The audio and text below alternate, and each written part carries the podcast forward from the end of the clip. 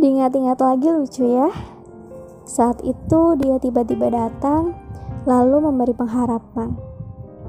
Dulu dia mendekatiku terus-menerus, sembari memberi perhatian yang kelihatannya sih tulus. Saat itu aku masih ragu dan belum percaya apa pun kepadanya. Tapi dengan keras kepalanya dia dan pantang menyerahnya, dia gak berhenti-berhentinya buat ngedeketin aku. Semakin lama dia bersikap seperti itu, ya aku pun luluh. Aku sudah mulai terbiasa akan kehadirannya. Kita jalani hari dengan penuh kesenangan, tertawa bersama, makan, jalan, dan memikirkan planning masa depan. Dan hal indah lainnya tentunya.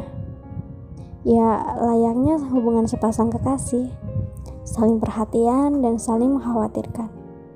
Aku menunggu dia mengatakan sesuatu, ya menunggunya memberikan kepastian itu. Pasti kamu tahulah apa itu. Saat itu aku terus menunggu dengan penuh harapan yang besar. Dan hmm, sayangnya dia mulai tak ada kabar.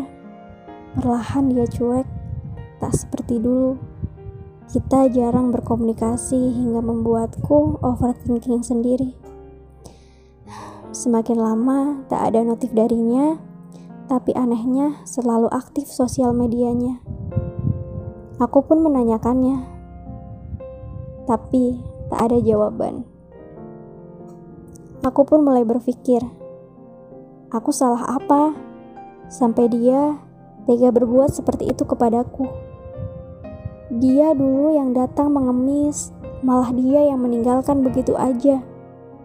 Bodoh rasanya, karena bisa percaya kepada orang seperti dia. Sakit, sedih, dirasa sendiri. Dia mana tahu akibatnya.